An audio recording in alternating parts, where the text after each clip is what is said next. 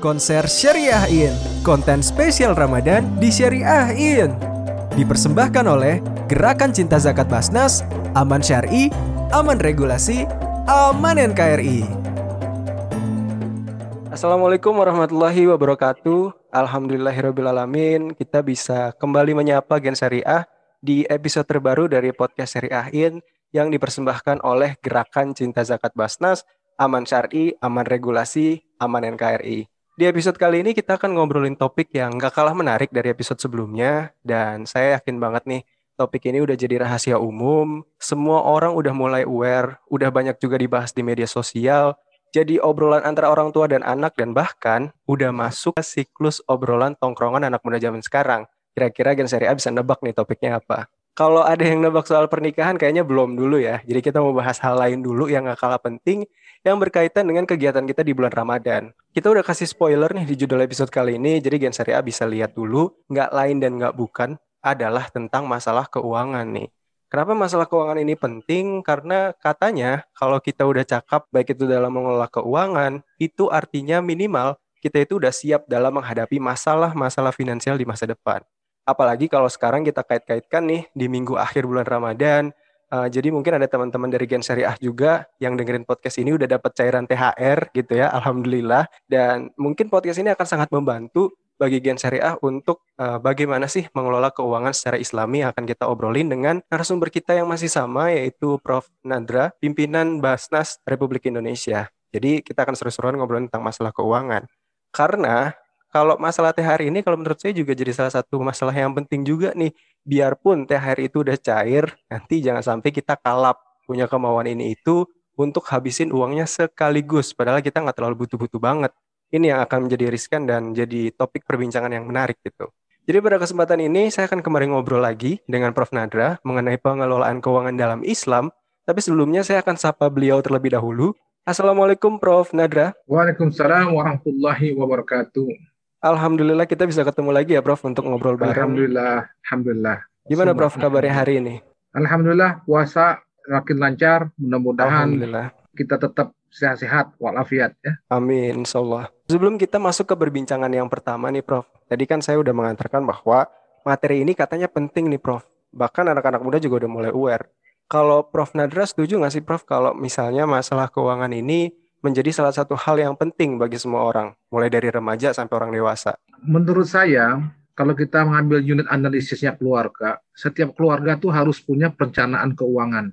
Karena kita tahu yang namanya constraint kita itu di pendapatan kita, jadi kendala kita. Jadi kita tuh nggak boleh um, mengeluarkan sesuatu yang melebihi pendapatan kita. Jadi kita harus atur sebagai rupa.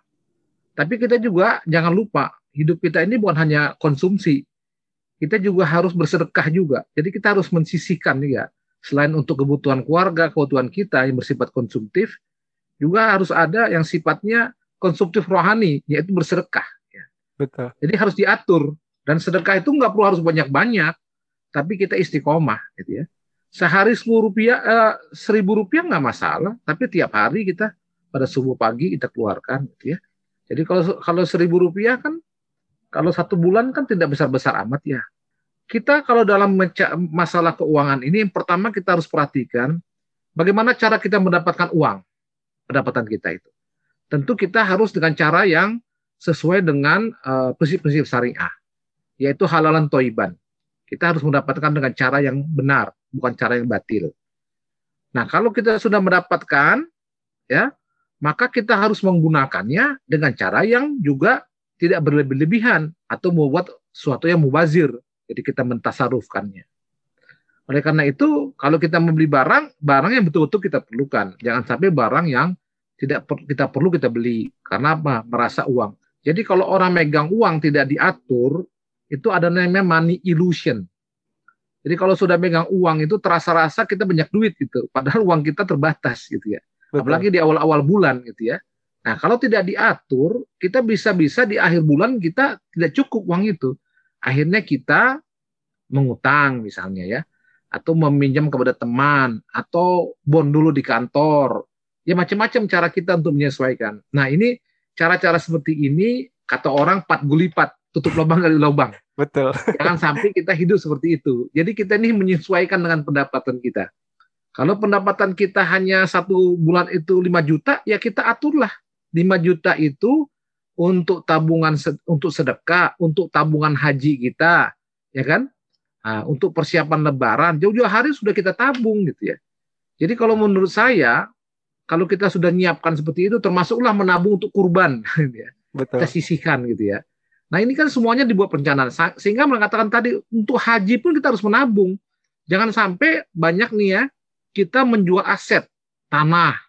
Kalau orang petani menjual tanah untuk pergi haji, nanti pulang dari haji dia mau usaha apa?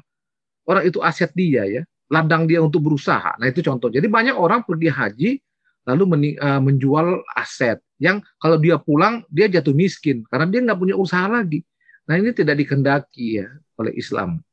Karena itu kita harus ya mengeluarkan pendapatan sesuai dengan tadi itu pendapatan kita. Jadi ada kendala itu apa? Yang kedua jangan berlebihan.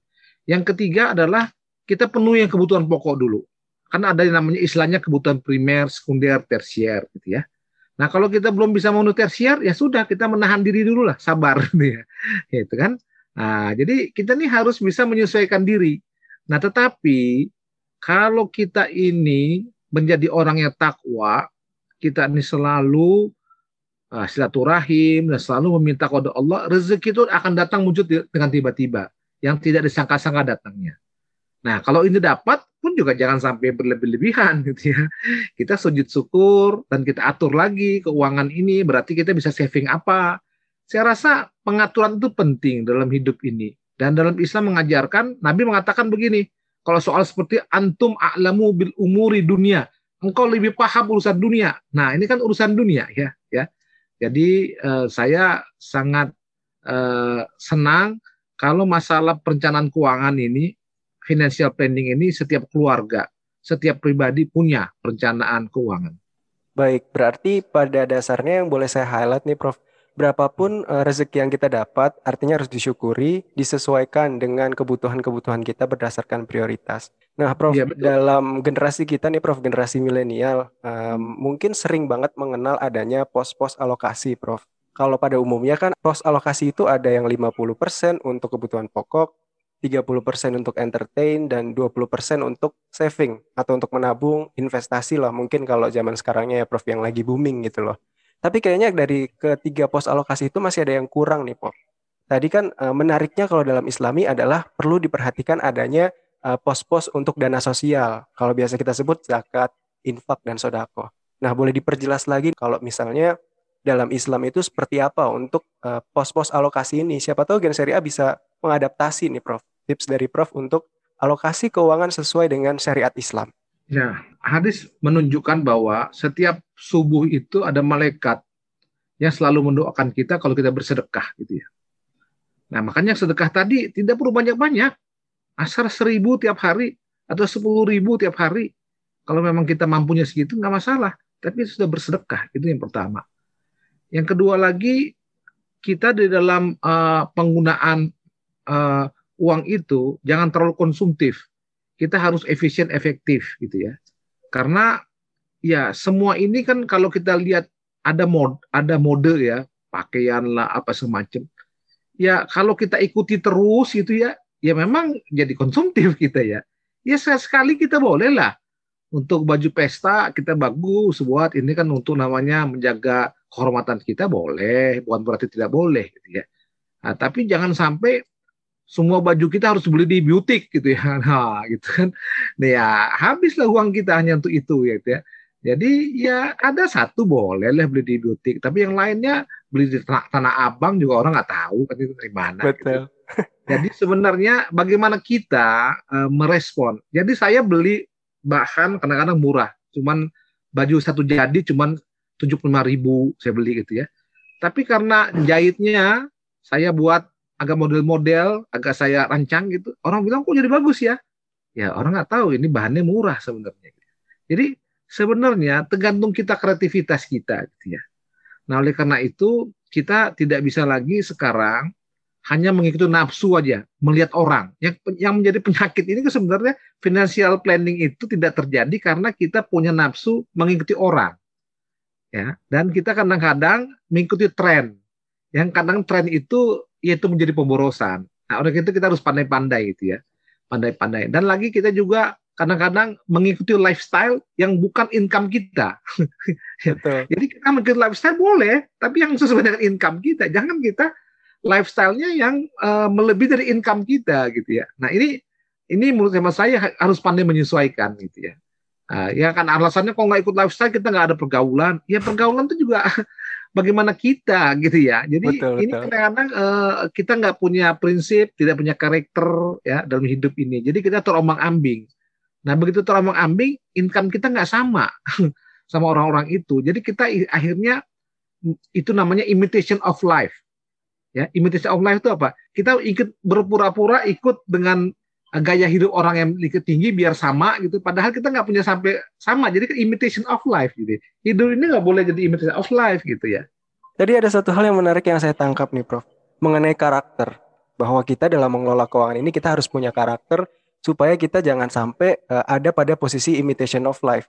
Untuk menemukan karakter itu, Prof, misalnya karakter yang membebankan atau uh, memberatkan kita pada tanggung jawab dalam mengalokasikan dana-dana pada kegiatan-kegiatan sosial, misalnya zakat, infak, dan sodako. Tadi kan Prof. Nadra juga bilang kalau sodako itu sebenarnya sesimpel kita ngasih uang seribu misalnya, menyisihkan uang seribu.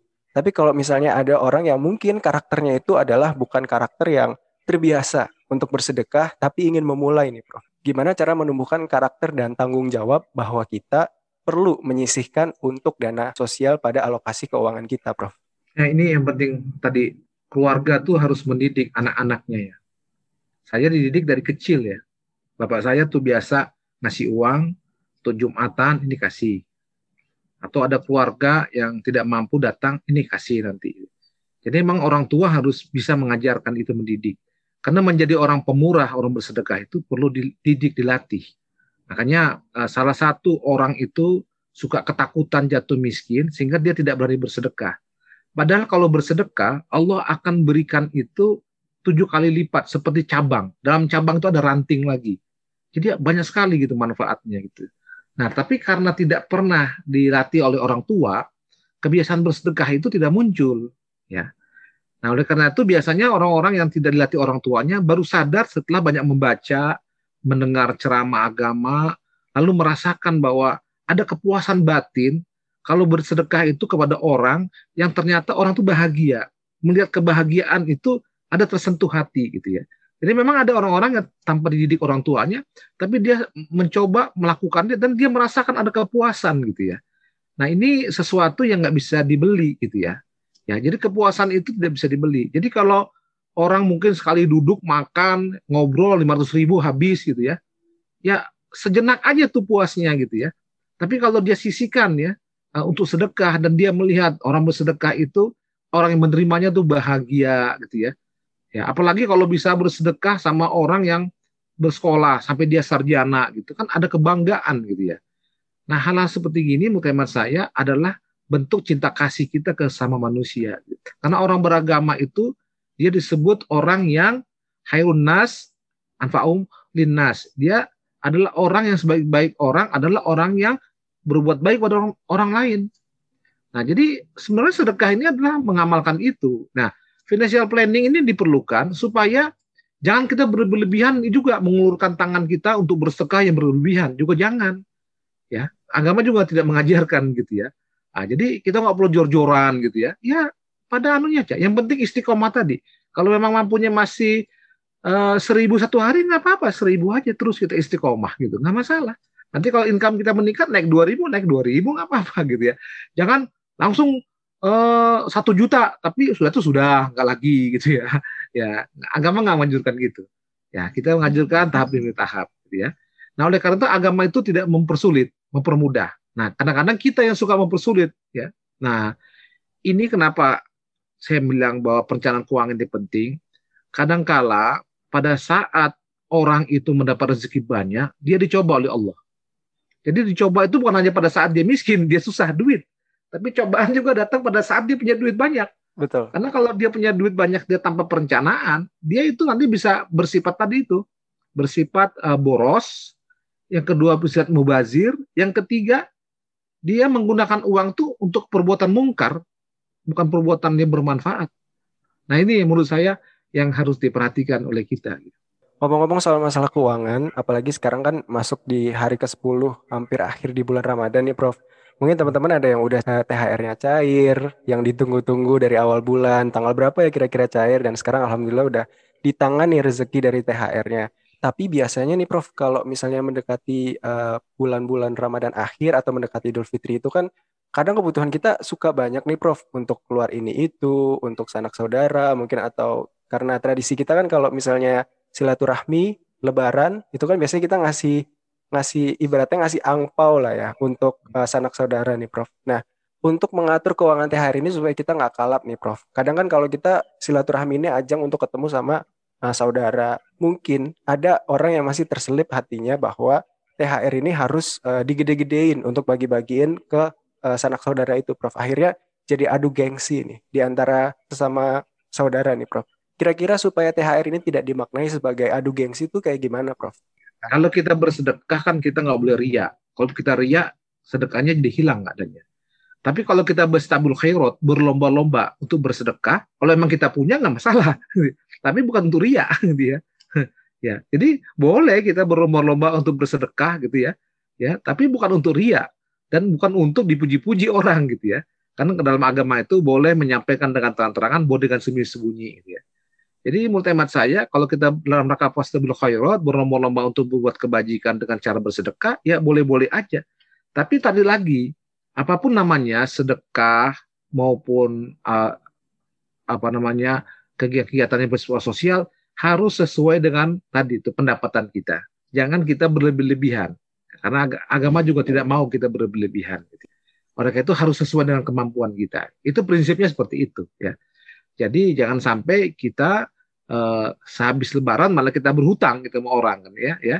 Nah itu kan nggak bagus gitu ya. Nah saya pikir uh, kita itu harus uh, seimbang lah penggunaan itu. Di mana yang untuk keluarga di mana untuk penggunaan sosial itu seimbang. Jangan sampai kita terperangkap tadi itu mau jor-joran yang pada tidak pada tempatnya gitu ya.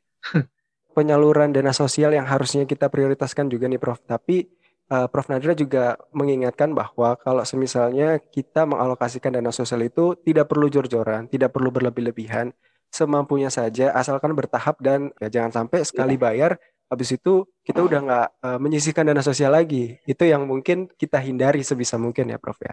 Nah, ya. untuk masalah uh, penyaluran dana sosial nih, Prof. Kadang kalau misalnya uh, apalagi anak-anak muda nih seperti generasi-generasi kita ini pengen semuanya itu yang serba instan, serba cepat jarang mau keluar. Apalagi sekarang kan di masa pandemi nih Prof. Kita kan uh, sebisa mungkin uh, diam di rumah, duduk di rumah, dan jangan ke mana-mana, menghindari kerumunan. Nah untuk penyaluran-penyaluran dana sosial ini, kalau dari Basnas sendiri nih Prof, ada nggak program-program yang memudahkan supaya para generasi milenial ini yang mungkin malas keluar, nggak punya waktu, jauh dari uh, amil, itu ingin menyalurkan zakat infak sodako, tapi dengan mudah dan hanya sekali klik Prof. Ya, kita kerjasama Basnas dengan 90 digital, perusahaan digital ya. 90 platform ya. Sudah 90 ya kita. Jadi sekarang itu sebenarnya kalau dibilang kemudahan sudah sangat mudah. Tinggal sekarang ada uangnya, ada kemauan gitu ya. Ada niat, bagus gitu ya. Sudah, sudah sangat mudah sekarang. Gitu ya. Saya suka membantu men-share itu ke grup-grup gitu. Dan alhamdulillah responnya bagus dari grup-grup itu ya. Eh, ya saya udah coba udah kirim. Ya jadi mudah ya atau bagaimana ya? Gitu ya. Saya sekarang ini kan kita ini dengan teknologi menjadi menjadi mudah dan menjadi lazy juga kadang-kadang ya. Ya. betul. Ya, ya. Jadi tetapi kalau untuk bersedekah dengan adanya kemudahan ini ya ini kita uh, tentunya lebih gembira sebenarnya ya. Karena kita tidak perlu repot-repot ya. Dan kita juga tidak perlu riak jadinya ya. Perlu harus ke mana dulu gitu ya. Uh, ya jadi sifat riak kita akan hilang karena kalau kita mau ria mau ke mana orang kita melalui digital? Ya kan? Ya kan? Jadi manfaatnya banyak lah ya uh, dengan cara teknologi ini. Orang itu kita syukuri lah. Teknologi ini kan uh, pisau bermata dua. Satu sisi bermanfaat ya untuk kepentingan masyarakat dan agama juga tapi kalau orang menggunakannya salah ya teknologi ini bisa ya bisa digunakan salah juga bermacam-macam. Penipuan-penipuan dengan uh, digital juga banyak, dengan uh, website, dengan internet juga banyak gitu penipuan-penipuan. Jadi memang ya bagaimana kita ya orang dulu bilang the man behind the gun. Saya waktu kecil nggak tahu apa maksudnya the man behind the gun. Jadi mau teknologi setinggi apa pun, secanggih apa pun, balik-balik manusia juga. Karena manusia juga yang memanfaatkan teknologi yang menggunakan teknologi gitu ya yang menciptakan teknologi kan bukannya bukannya malaikat kita juga ya tergantung kita akhirnya penggunaannya juga mau diapakan teknologi tergantung kita gitu. nah dengan adanya sekarang sistem digital dan lain ya alhamdulillah sudah dipermudah sebenarnya ya, tapi kalau orang bicara, bicara rasanya kayaknya kurang serak nih kalau nggak ketemu langsung dengan orang Basnas ya silakan datang gitu ya bedanya mungkin kalau datang di Basnas saya habis memberikan zakat atau sedekahnya diberi, dibacakan doa.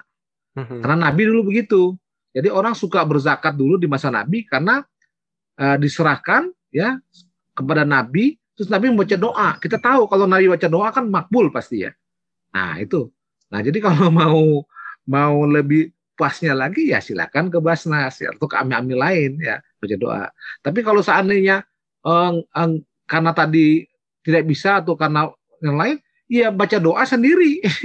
Waktu kita menyampaikan, ya Allah, aku bersedekah ya, lillahi ta'ala dengan niat sedekahku begini begini begini boleh boleh kita seperti itu jadi jadi bisa kita berdoa sendiri gitu ya baik sebenarnya kalau di zaman sekarang ini nggak ada alasan lagi ya Prof ya untuk menghalang-halangi niat kita melakukan sedekah gitu Prof ya betul sudah baik. mudah sekali sudah dipermudah tergantung tadi niat dan kemauan aja dan ada dananya gitu ya.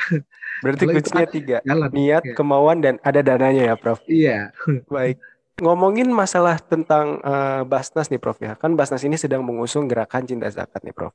Tujuannya kan di episode kemarin kita udah cerita-cerita mengenai gerakan cinta zakat uh, ini bertujuan supaya masyarakat tahu, masyarakat mulai aware uh, menyalurkan dana-dananya baik itu zakat, infak dan sodakoh kepada lembaga amil resmi supaya tepat sasaran untuk ngomongin soal Basnas nih Prof, untuk penyalurannya, kita ingin menyalurkan dana ZIS kita, tapi kita perlu bukti-bukti nih Prof. Nah, di Basnas itu ada fasilitas-fasilitas apa nih Prof yang bisa melaporkan bahwa dana kita itu sudah tersalurkan kepada eh, mereka-mereka yang benar-benar membutuhkan.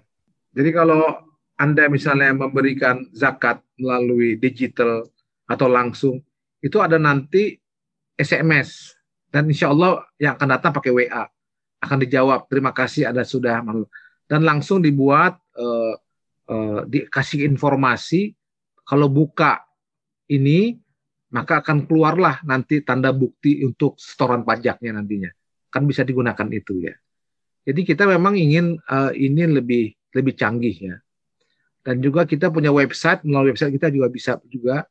Dan kita juga lagi kembangkan call center. Call center kita sudah ada tapi kita akan kembangkan lagi.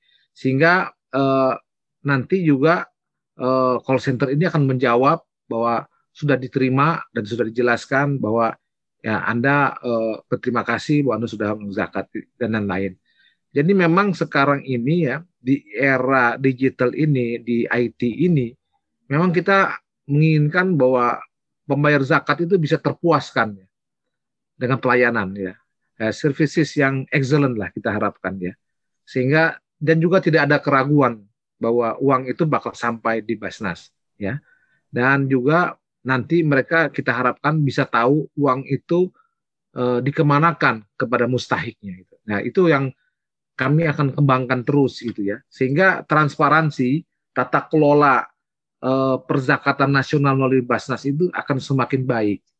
Dan kita ingin itu ada kepercayaan dari publik ya, terutama generasi muda bahwa penggunaan dana itu, pengumpulan dana itu dengan cara yang transparan dan penggunaan dananya pun juga penyalurannya, penerima pemanfaatan juga transparan. Itu yang harapan kita seperti itu. Baik, ada nggak nih Pak pesan-pesan untuk generasi muda yang masih ragu-ragu untuk uh, membayarkan uh, zakat, infak atau sedekahnya di badan-badan amir resmi? Karena kadang kan kalau misalnya kita ingin menginfakkan atau mensedekahkan nih Prof, tapi kita pengen menunjukkan pada orang-orang tertentu. Kita udah punya target uh, ingin mengamalkan sedikit rezeki kita kepada mereka. Tapi kita juga pengen di sisi lain membayarkan kewajiban-kewajiban kita melalui badan amil zakat resmi seperti Basnas contohnya. Ada nggak Prof kayak misalnya zakat-zakat tertentu jenis-jenisnya yang kita minta request bahwa penerimanya adalah mereka mereka mereka uh, di cross check oleh Basnas pantas tidak menerima. Kalau pantas kami ingin mereka yang menerima. Ada nggak seperti sistem seperti itu? Iya, zakat mukayadah. Saya melakukan itu karena saya uh, di tetangga saya ya ada 50 tetangga yang saya selalu bertahun-tahun saya berikan mereka dua apa gitu ya. Ya, jadi saya minta kepada Basnas untuk menyampaikan kepada mereka. Jadi zakat mukayadah gitu ya. Jadi saya kasih list nama-namanya terus orang yang biasanya mengatur-ngatur saya kasih semua sehingga uh, saya tidak jadi tidak tambah repot. Kalau dulu saya kumpulkan mereka gitu ya di musola, saya anukan, saya catat, saya apa. Sekarang Basnas yang melakukan itu. Saya hanya nyetok ke Basnas, saya hanya menyatakan ini orang-orang ini alamatnya sekian, tolong disampaikan. Jadi Basnas yang ngurus, saya terima jadi aja. Jadi saya merasa dipermudah urusannya dengan Basnas gitu ya. Nah, ini yang perlu diketahui ini sebenarnya. Secara ilmu fikih Islam, kalau amil itu bukan amil pemerintah resmi, Ya, misalnya satu amil, dia nganggap yayasan apa mau jadi amil gitu ya. Dia itu adalah wakil dari muzaki. Artinya kalau kita nyampaikan kepada amil yang tidak resmi tadi bukan Basnas, itu bar, kita baru jadi wakil kita saja mereka. Jadi belum sampai ke mustahik. Jadi kalau sampai hilang, dia harus ganti. Belum sampai. Tapi kalau memberikan kepada Basnas sebagai amil resmi, dia wakil mustahik maka sudah sampai. Nah itu. Jadi kalau kita mau aman, ya diambil yang resmi. Itu aman. Kalau ambil yang tidak jelas, banyak yayasan sekarang kirim-kirim WA gitu, mengumpulkan zakat, apa. Dia hanya wakil dari muzaki, wakil kita. Jadi belum sampai. Kalau jadi kalau dia nggak kirim, dia tahan, dia belum sampai. Jadi kalau kita berharap bulan puasa ini Ramadan ini kita berzakat terus bisa dibagikan kepada masyarakat pada bulan puasa ini, kita kasih ke amil yang bukan tidak resmi, yayasan-yayasan yang banyak pakai WA itu, ya tidak sampai berarti. Kalau dia masih tahan belum dibagikan. Tapi kalau Basnas, kalaupun Basnas belum membagikan, sudah sampai dianggap karena dia mewakili mustahik. Baik. Berarti salah satu keuntungan kita menyalurkan uh, kewajiban-kewajiban kita baik zakat, infak dan sedekah di amil resmi adalah terpercaya dan sudah pasti sampai ya Prof ya. Betul, itu yang paling penting itu. Jangan sampai kita mengeluarkan zakat kepada amil-amil tidak resmi, ya nggak sampai gitu. Kita udah merasa sampai, taunya nggak sampai. Betul. ya. Artinya itu. lebih di, bisa dipercaya ya, Prof ya? Ya, karena memang begitu. Fikih Islamnya begitu, hukum Islamnya begitu. Baik, berarti uh, ada baiknya kita mengikuti hukum Islam bahwa ya. um, segala sesuatu yang sudah pasti itu lebih baik kita pilih dibandingkan yang masih mengandung keraguan-raguan ya, Prof ya. Iya, menanggung keraguan menanggung juga mengandung ketidakpastian apa betul dia kirim atau tidak kan. Kita betul. masih jadi jadi pusing kepala juga kita kalau mikirin nanti. kalau kita Baik. banyak tanya kita jadi nggak percaya, tapi memang begitu fikihnya, hukum Islamnya. Kalau dia tidak bagikan ya belum sampai. Hmm. Artinya pahala kita belum dapat. Hmm. Padahal kita ingin Ramadan ini dibagikan, kita supaya dapat pahalanya gitu ya. Itu belum dapat itu. Mungkin Prof ini yang terakhir untuk episode kali ini uh, berkaitan dengan gerakan cinta zakat yang uh, kita harapkan bahwasannya pesan-pesan ini sampai kepada seluruh masyarakat Indonesia. Kira-kira apa yang ingin Prof. Nadra sampaikan sebagai pimpinan dari Basnas Republik Indonesia mengenai adanya uh, kampanye dari gerakan cinta zakat ini? Ya, gerakan cinta zakat ini adalah gerakan menyadarkan kita semua, baik itu muzaki atau orang yang kaya, yang mampu, agnia, dan juga orang yang mustahik ya, untuk menyatakan bersama-sama bahwa kegiatan zakat ini adalah media sambung rasa antara orang yang punya sebagai wajib zakat dengan orang yang menerimanya. Karena apa? Di wajib zakat itu memang dia memberikan karena ada haknya mustahil di situ dua setengah persen gitu ya. Jadi dia menerima pun juga bukannya bukan karena apa-apa, karena memang itu hak dia yang dia harus terima gitu ya. Nah jadi kan ini sekarang soal transfer aja ya transfer yang disuruh Allah dua setengah persen itu dalam rangka membersihkan dan mensucikan harta dan menenteramkan jiwa. Nah, kalau kita melaksanakan itu, artinya si muzaki itu dia sudah mengikuti perintah Allah dan dia mendapatkan manfaat.